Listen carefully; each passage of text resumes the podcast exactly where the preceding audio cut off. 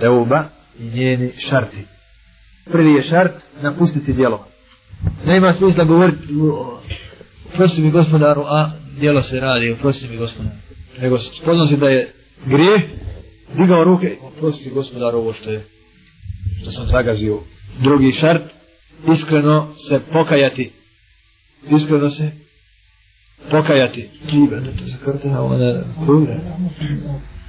E, e. Nije kajanja. Treba ti šta još? Treba ti odluka da ga neš činiti. Što je u tvojoj mogućnosti.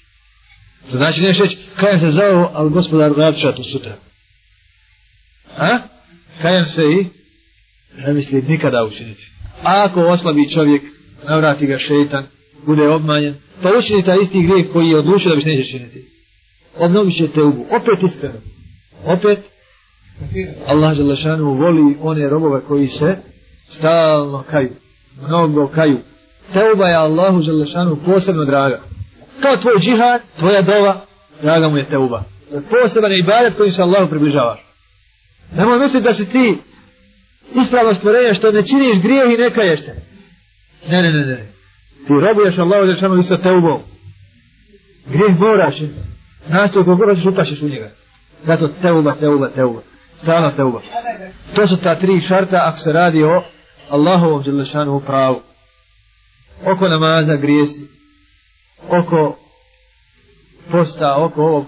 A ako se radi o, o pravima ljudi, da smo od njih nešto otužili, to je grijeh kod Allaha Đelešanu. I mora biti sve ovo. Mora biti napuštanje, mora biti kajanje, mora biti odluka da to više nećemo uzeti. I mora još dodati šarti, a to je da vratimo čovjeku pravo, da vratimo to. Spomenuli smo na prošlim dersovima da moramo odgajati djecu, a ne moramo djecu ako nismo mi odgojeni, da se izvinemo za grije, za uvredu. Budi čovjek. Ne hoćeš da se ne dozbišan, pućeš onda veći grije kod tebe, vrati se, uzmi dijete, ti ga dovedi i reći izvini se, amiđi, izvini se tome. Da nauči da je to normalno. Jer ko se ne bude kajao zbog toga, ne se ni Allahu kaje. Ne se ni Allahu kaje. Misli će pa aj život će donijeti toga, no ja što nekako ispraviti, neće li to ispraviti se ovako. Rekli smo da teuba i objasnim sad ovdje šartovi će to iščitati, pa tamo ima isto hadisa navedeni u vrijednosti teube.